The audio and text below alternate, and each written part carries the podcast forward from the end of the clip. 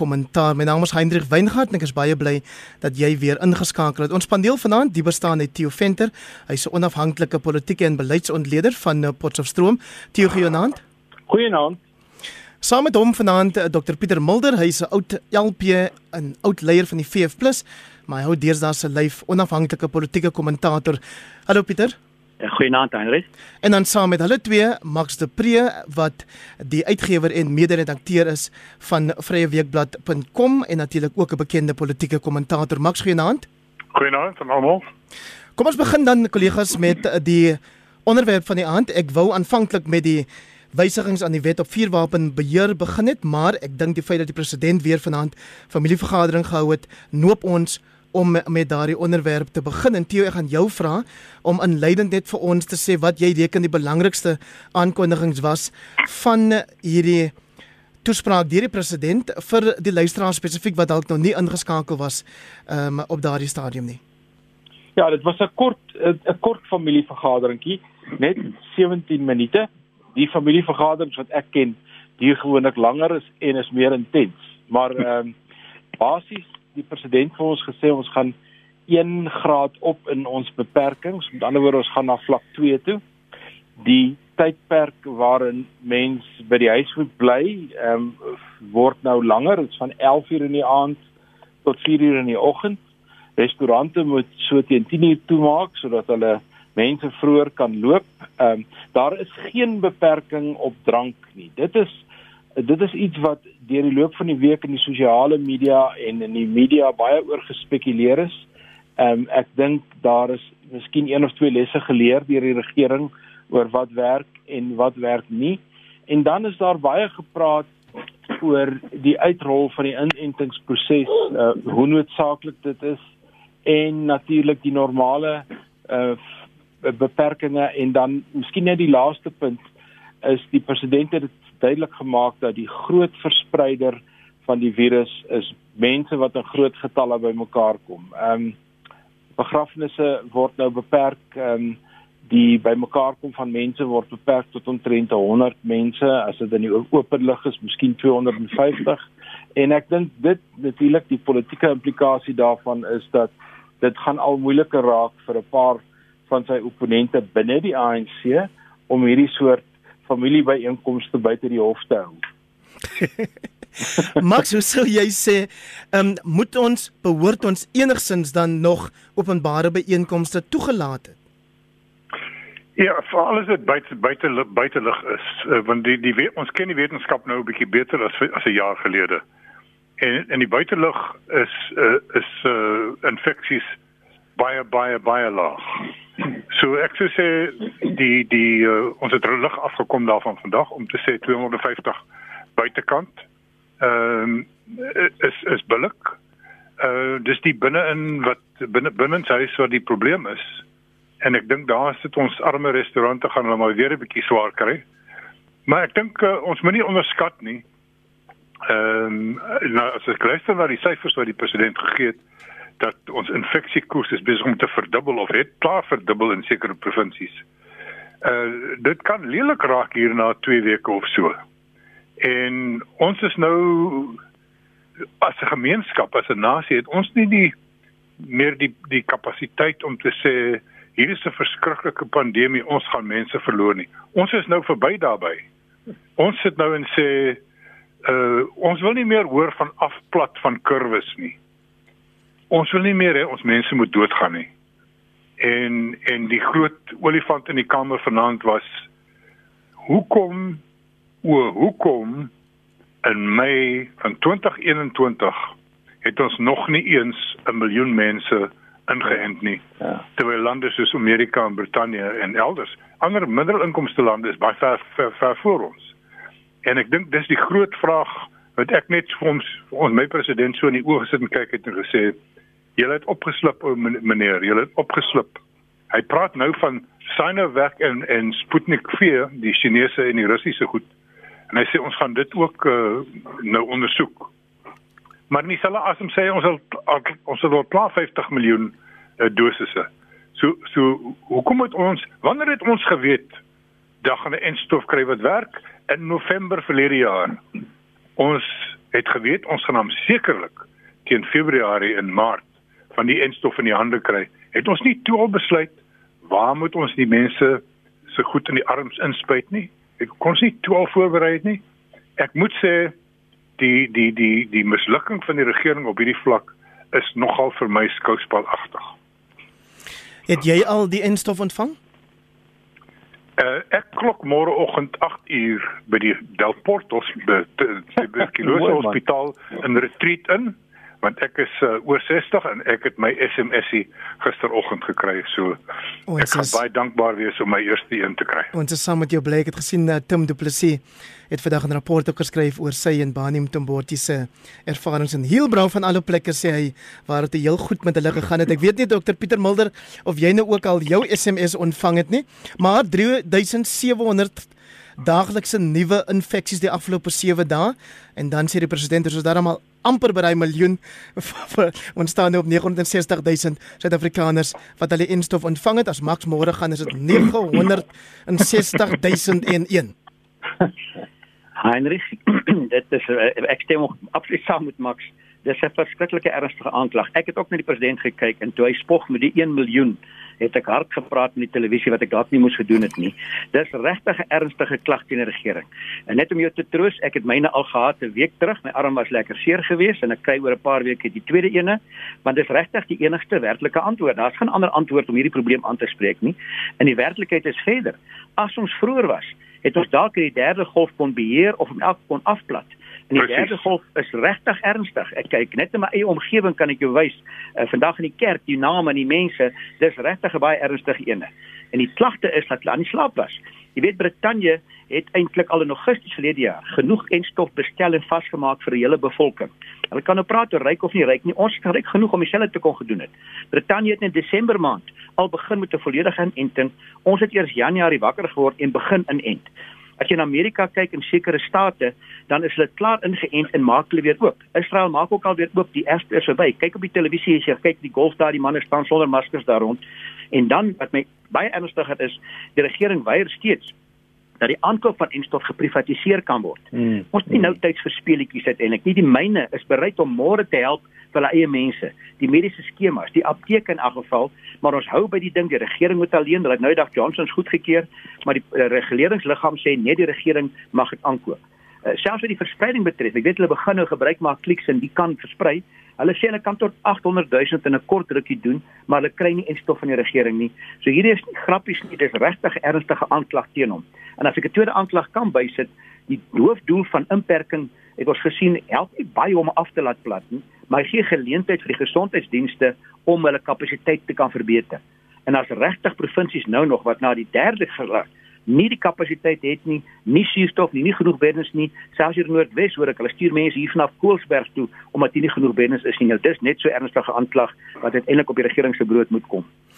Tio, is dit regverdige kritiek oor aankope deur die regering as selfs die Europese Unie met Brittanje beklei het omdat hulle hopeloos te veel aangekoop het? Nee, ek dink nie dis 'n aanklag nie. Ek dink Max is heeltemal reg. Ons het die pap op die grond laat val. Ons het geweet wat aangaan.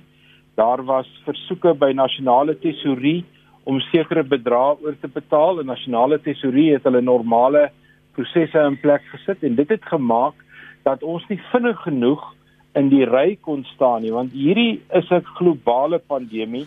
Met ander woorde, dit is uh, 'n stelsel waar die wat eerste in die ry staan en eerste betaal eerste gehelp word. Daar is nie sulke goedjies so Suid-Afrika was spesiaal omdat ons um, 25 jaar gelede 'n nuwe grondwet gekry het of sulke goed nie. Niks daarvan werk in hierdie stelsel nie. In hierdie stelsel werk dit hoe effektief is jou aankopeproses en hoe effektief is jou onderhandelingsproses.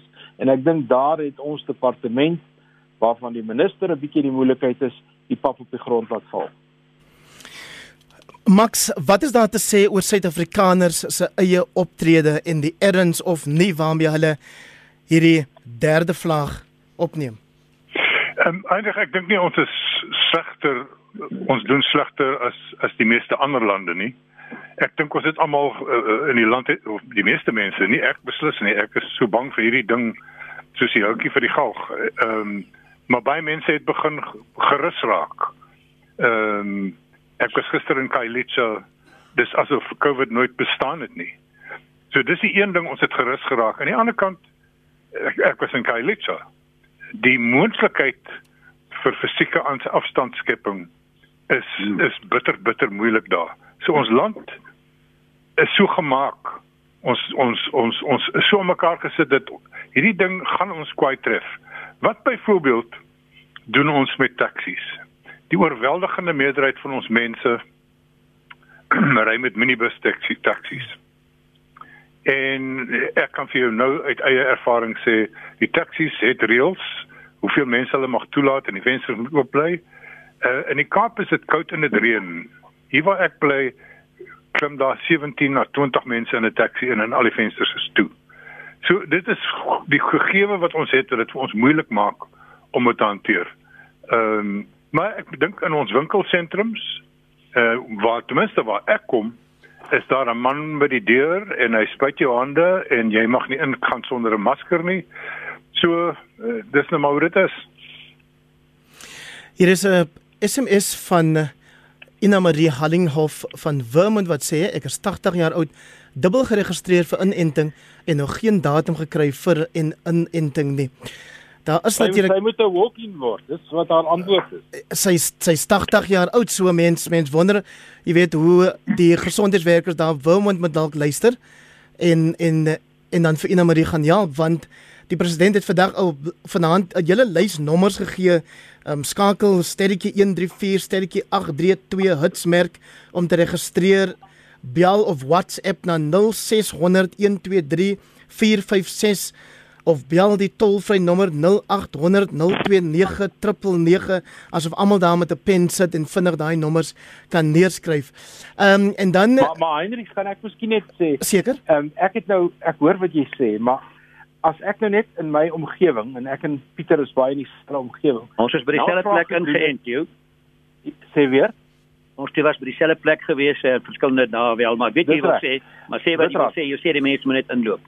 Ja, ehm um, ek het toe ek daar kom, is ek baie goed gehelp. Ek ek was die langste wat ek moes wag is die 15 minute om te sien of die inenting nie 'n effek op my het nie, maar hoeveel mense het daar aangekom wat nog nie 'n SMS gekry het nie wat net daar aangekom het en gehelp is want Hmm. die die die vaksin wat ons nou almal kry Pfizer um, word baie diep gevries en dan wanneer hulle 'n sekere hoeveelheid per dag uithaal om aan te wend, kan hulle dit nie weer hervries nie. So hulle moet alles opgebruik wat vir 'n dag eenkant gesit word. So my raad aan mense ouer as 60 is, gaan enige tyd jy sal gehelp word reg oor die land.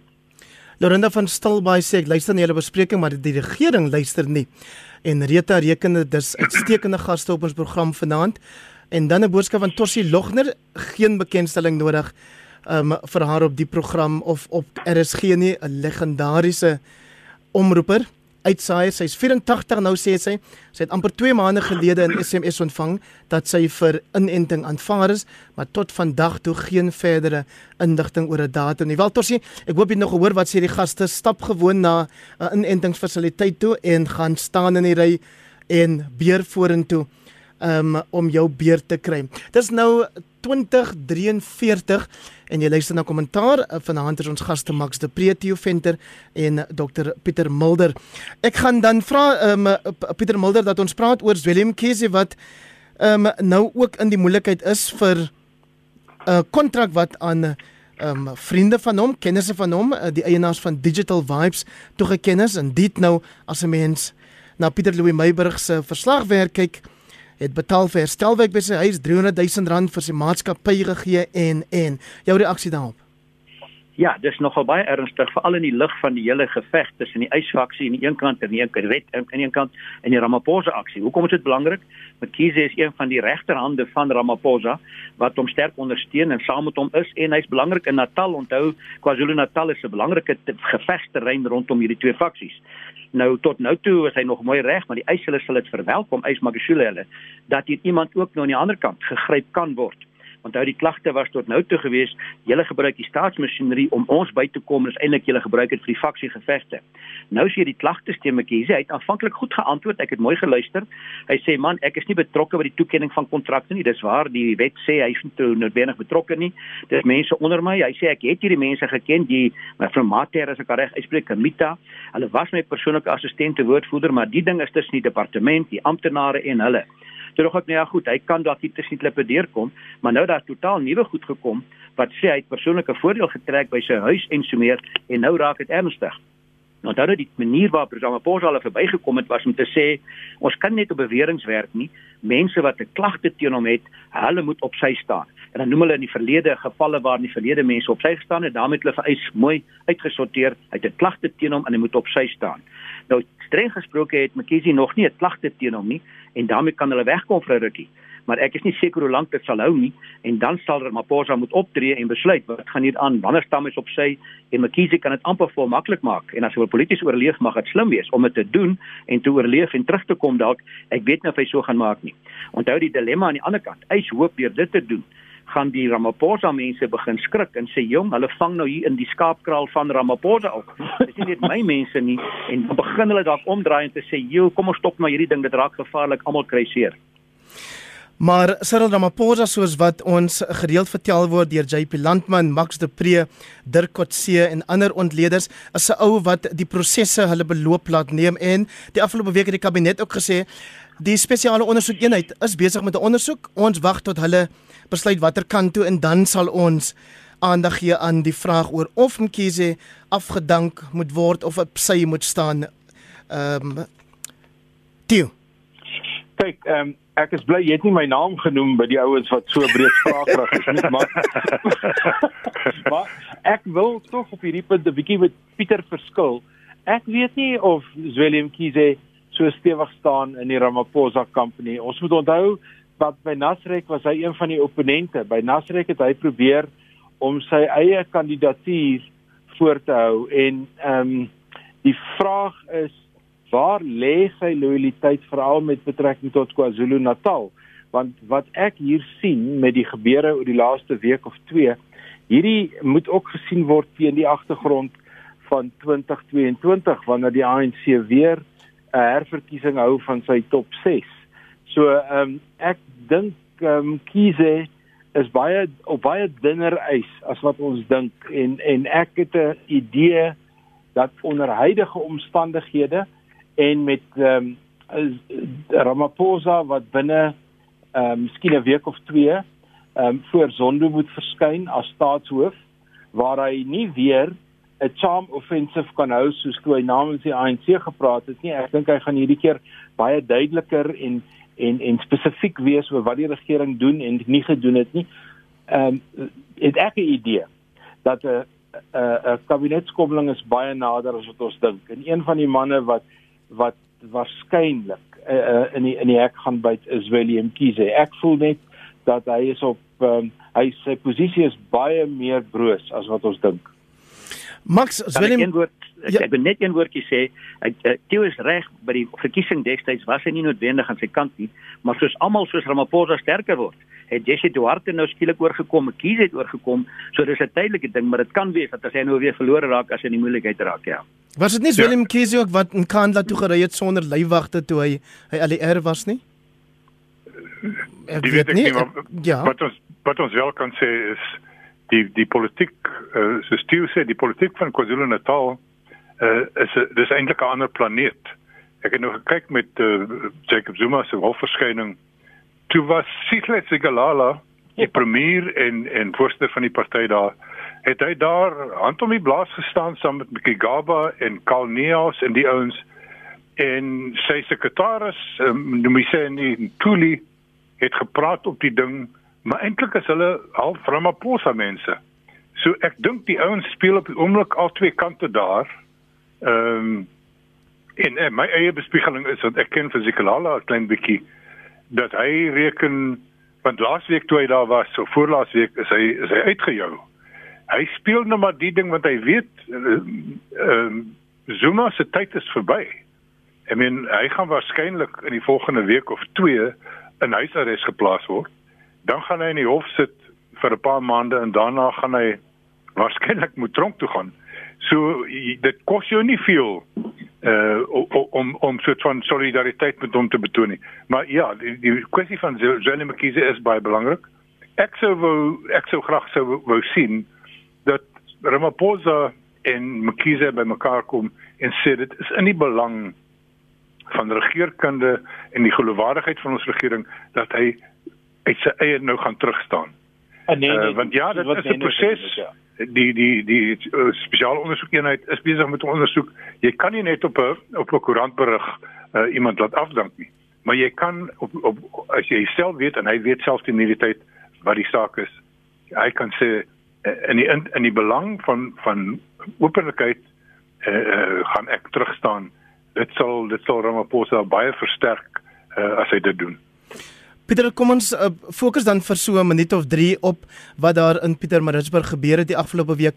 Max de Pre skryf Vrydag op vryeweekblad.com ek het na die brose ou basie in die beskuldigde bank gekyk wat sag en stotterend onskuldig gepleit het en moes die versoeking weerstaan om te sê ag shame man en dan skryf Hendrik Weingart tog is dit dieselfde man wat buite die hof op net luidkeel sy strydlied om Shiniwam gesing het.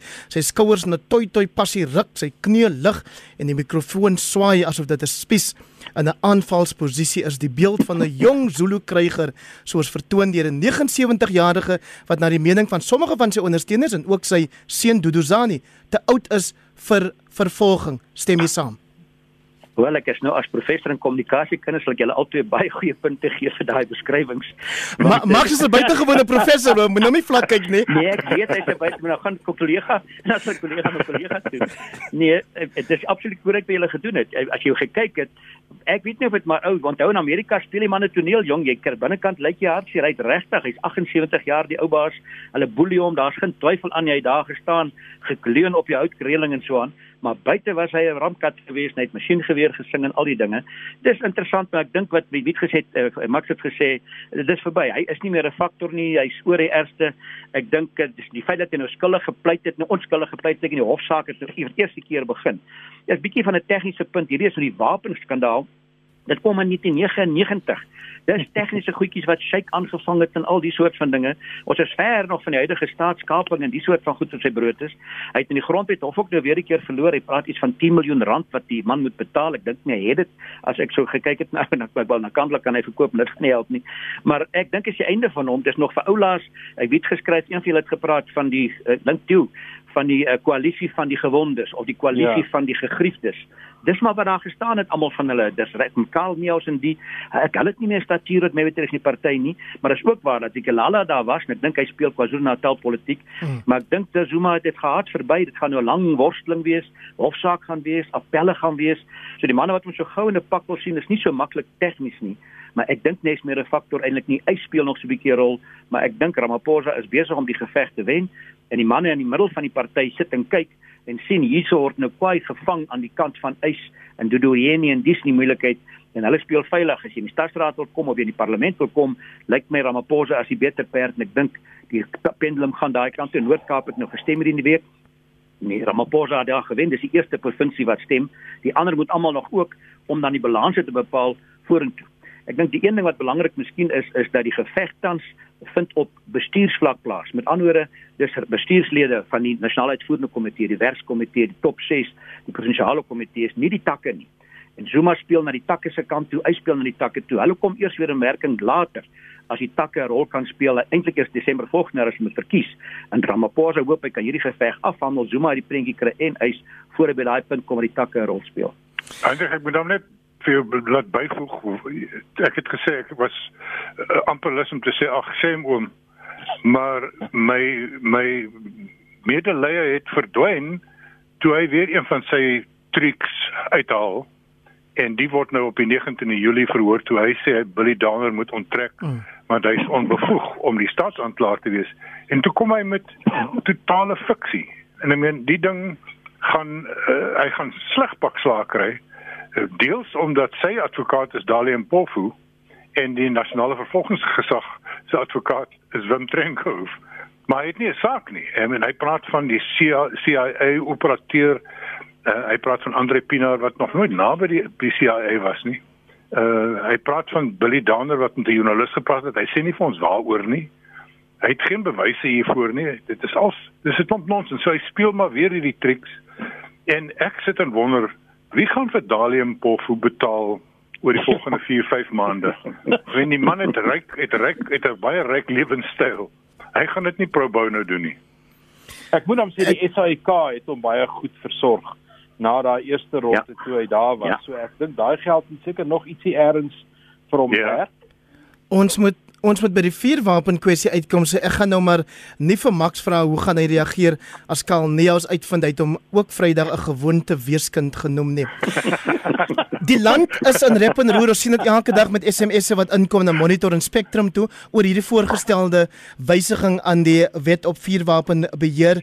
Pieter Mulder, um, die mense sê, "Hoe kan jy vir ons sê ons mag nie aansoek doen vir 'n vuurwapen lisensie op grond daarvan dat ons onsself wil verdedig terwyl die staat dit nie kan doen nie. Heinrich, dis regtig een van die gekste hede wat ek lankrak gehoor het van die regering se kant af, wel van Celle se kant af, of die polisie se kant af op 'n tyd wat ek nie dink dis regtig 'n prioriteit nie. Ek kan nou mal gaan op al die syfers en die soort van goed misdaad syfers. Kom ek sê net 2, 3 om te sê hoe lyk Suid-Afrika tans wat binne hierdie droom wil kom droom. Ek het gaan kyk na statistiek Suid-Afrika se syfers oor byvoorbeeld 'n huisinbraak. Nou hulle onderskei tussen 'n huisbraak en 'n huisroof. Hulle praat van housebreaking, home robbery. Nou home robbery is die gevaarlike een. Dis waar 'n man inbreek met 'n wapen en daar kontak tussen die misdadiger en die inwoner is. 'n Huisbraak is waar inbreek en daar's niemand in die huis nie. En die huisrowe is 'n ernstige ding wat al meer en meer word. Die syfers sê ons kan elkeen verwag in die volgende jaar dat 6 uit elke 100 huise gaan so inbraak beleef. En dit word met 'n wapen gedoen en van die wapens is 54% vuurwapens en 46 messe. Dit is die syfers. Nou kom die minister nou jy het op sosiale media gesien dit was 'n baie mooi prentjie ek het hom ook gebruik waar die minister stap daar in Kaapstad waar hy 'n hofsaak bygewoon het ja. En hy loop daar met 4 5 6 swaar gewapende polisielede rondom hom met outomatiese gewere, koelvaste baadjies, onluste helms op wat hom beskerm. En met daai benadering en daai foto wat oral gehardloop, sê hy ook terwyl hy 1,7 miljard rand meer begroot het vanjaar die polisiebegroting vir die beskerming van belangrike persone terwyl die polisie heringbegroting vir sigbare polisieering met 4 miljard verminder is. En dit som die foto's som op hoe mense daar buite voel. Weet hierdie mem, hoe lyk dit daar buite? Weet jy hoe uitgelewer voel mense aan misdaad en geweld as hy so beskermd is daarmee jam en dan kom hy met hierdie ding wat 'n simboliese iets is en ek dink ons gaan die grootste oorkoepelende reaksie kry wat ons nog gekry het oor alle dinge. Ek wil nou nie ras bygooi maar my binnekringe sê 60% van vuurwapeneienaars is reeds swart. Met ander woorde die die beeld dat hierdie 'n wit geveg is is hooplik nie waar nie. Dis hooplik 'n geveg oor die hele spektrum na alle kante toe en uh, dis nog 'n lang pad voor dit klaar is maar dit moet gekeer word want dit het baie baie implikasies na alle kante toe. Ek wil sê dit gaan 'n etol ding word ten einde wat nie toegepas kan word nie, maar ek kan nou net daaroor praat ja. Maar maar hy word reeds nie toegepas nie. Ehm um, Pieter, die die ja. die wapenwet het misluk. Ek was deel van die wapenwet uh, onderhandelingsproses van 2003 tot 2007. En toe ek die ehm um, die wetsontwerp sien, toe vat dit my terug na 2003 toe. Toe het hulle dieselfde ding gedoen. Hulle het die hekkie waaroor jy moet spring geweldig hoog gemaak en toe uiteindelik toe dit deur die parlementêre prosesse en die komitees wat jy nou baie goed ken, toe dit hmm. daardeur is, het die wetsontwerp aansienlik anders gelyk. Ek dink dis weer die plan. Met ander woorde, jy jy die, die mense gaan op hol en dit is wat wat oomblik gebeur en dis nodig, maar dan wanneer die onderhandelinge kom, dan lyk dit anders. Ek weet nie presies wat wil die polisie nie. Wat wil hulle uiteindelik verander? Ehm um, want sekere van die voorstelle wat hulle maak is totaal en al onuitvoerbaar. Ek wil dit miskien net histories ehm um, vir die vir die luisteraars verduidelik. Hierdie wet van ons kom uit Australië uit. Daar was 'n massa skiet ehm um, situasie in Australië en die Australiese regering het hierdie wet eintlik ontwikkel, maar met 'n baie goeie terugkoop proses van wapens goed geloop. Toe neem die Kanadese die wet oor.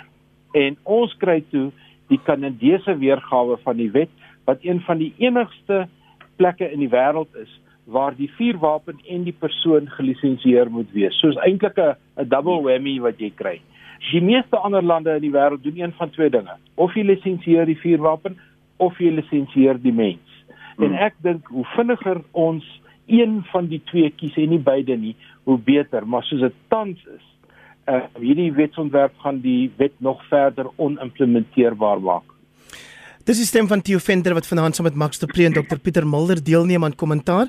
En uh, net dat jy weet, ons gaan nie 9uur die nuus hê nie, maar 10 oor 9 en dit is weens die aangepaste skedule nadat die president ons om 7uur vanaand toegespreek het. Rapport se redaksionele kommentaar Max die sê die reg op lewe het net betekenis as jy jouself kan beveilig vir al wanneer die staat so klaaglik in diep plig val en dit is ook dit strook met die mening van advokaat Lenet Max wat voorheen provinsiale kommissaris in die Weskaap was en ook 'n uh, adviseur vir minister Trele was. Ja, ek ek is nie baie oortuig dat uh, as jy in die voorstede bly of 'n geweer of 'n pistool jou jou veiliger gaan maak nie. Die statistiek hou dit ook nie in nie. Maar wat maak jy? Wat gaan die staat vir iemand wat sê wat op 'n klein hoewe bly, wat op 'n plaas bly hmm. of wat 'n winkel in 'n in 'n in 'n in 'n woonbuurt het, 'n laataand winkel in 'n woonbuurt het waar misdaad hoog is. Hoe gaan jy kyk die waansin vir my is dit Hendrik. Jy mag nog aansoek doen vir 'n lisensie as jy 'n skut is, as dit jou sport is. So ons mag skiet vir ons plesier, maar ons mag nie skiet om onsself te verdedig nie. Ja, dit is waansin. So so miskien moet mense maar net lieg en sê nee, ek wil 'n ek wil 'n pistooltjie koop want ek gaan Saterdag middag hier na die skietbaan toe. Ek meen dit is totale totale waansin. Ek hou nie van gewere nie. Ek het nie een nie, sal nooit een hê nie. Maar hierdie is is is is een van die verspotste goed wat ek nog oor kan ek kan ek byvoeg ek, kan ek byvoeg Heinrich Seker? ek weet ek weet wat wat van Max nou sê maar die harde werklikheid as jy kyk in ander lande as die misdadiger weet ek het nie 'n wapen nie is dit net vir hom soveel makliker. Met ander woorde, as hy my huis aanval of waar, daar is argumente hoe goed effektief is 'n wapen en so meer. Dit kan ons argumenteer. Maar dis wel waar. As hy weet niemand het wapens nie, maar hy het wel. Weet ek het nou worstel bevoel om die syfers te kry van hoeveel wapens is daar. Die een syfer sê op my bespiegeling, daar's ongeveer 5 miljoen wapens, 5,4 miljoen in Suid-Afrika in burgerlike hande, waarvan 3 miljoen ongeveer wettig is en dan word daar geskat tot 2,4 miljoen is dan onwettig. Met ander is amper helfte helfte. Nou die minister het geen plan op die tafel hoe hy daai onwettige wapens van die tafel af gaan kry nie, maar hy gaan myne wegvat. En terwyl ek nou oor Australië en Kanada praat, ek dink nie Australië het 'n bende probleem in die Weskaap nie, gaan hy dit oplos deur die probleem wapens weg te vat. Gaan hy die plaasmoordprobleme oplos deur die wapens weg te vat. Gaan hy die wraakmoorde in KwaZulu-Natal wegvat deur die wapens weg te vat. Dis mos net nie moontlik nie. En nou kan jy net dink die prakties as jy dit gaan implementeer oor 5 jaar ek het 'n wapen maak ek dit wat en, en ek hoop vir my familie te beskerm daarmee ek woon in die noorde hy's rof hierbo maar uh, nou moet ek my wapen gaan inhandig. En naai om net my weer wil gee gaan hy my goed vir goed daarvoor? Hy het nie geld daarvoor nie. Gaan hy hom net vat dan gaan hy kom hofsaak toe vat.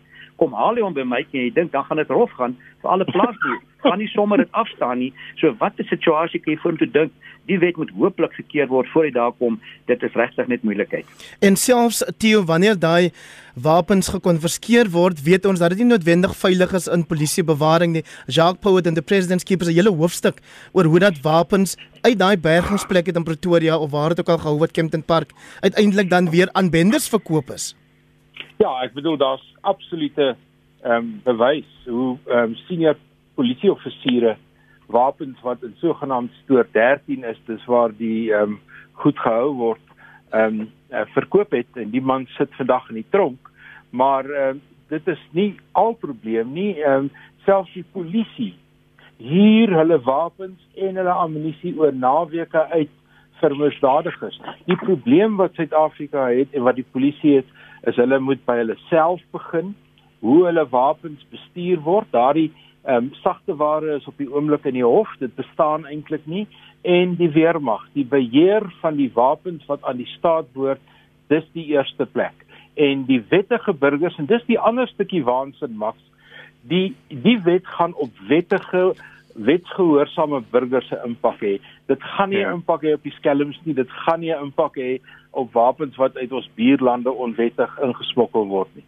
Maak ja. soos ja. mense padverbruikers of gebruikers motoriste wat paaie soos die N4 in die noorde gebruik en dan spykers in die in die pad vind waarmee jou bande dan op pap gemaak word en jy staan daar in die donker en kan jouself nie verdedig nie.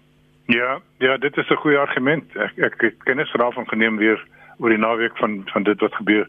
En dit is een voorbeeld waar dit jou waarskynlik gaan help om 'n vuurwapen te hê. Ek dink nie as iemand inbreek in jou huis en gaan jy vreeslik uh dit jou vreeslik help nie.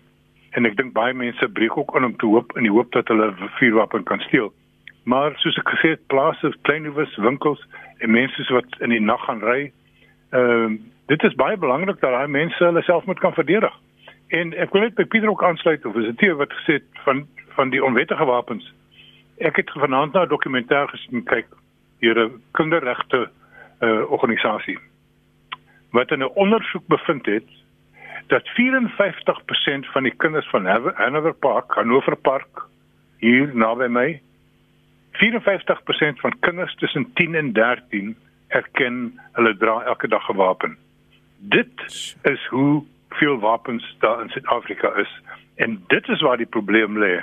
Ehm um, nie nie met oom Jan wat uh, op die plaas bly en uh, en 'n geweer wil aanhou in gevalle ingeval word. Jy bedoel nie net met oom nie Jan. net nie net nie.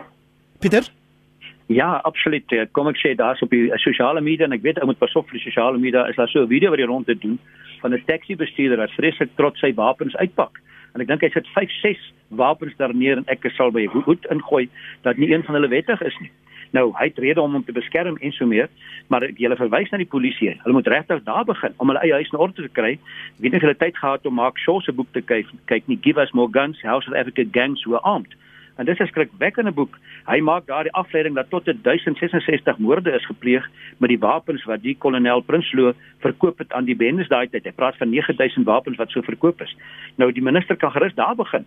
Voor hy die gewone ouens, ek het net tou gestaan vir hoe lank in geworstel met honderde papiere en ek het toevallig met van die parlementslede gepraat wat by die wapenregisterplek was waar al daai hope en hope so staan en een sê vir my, hy het gevra, hoorie, as ek nou my aansoekvorm wil hê, kan jy of my gee?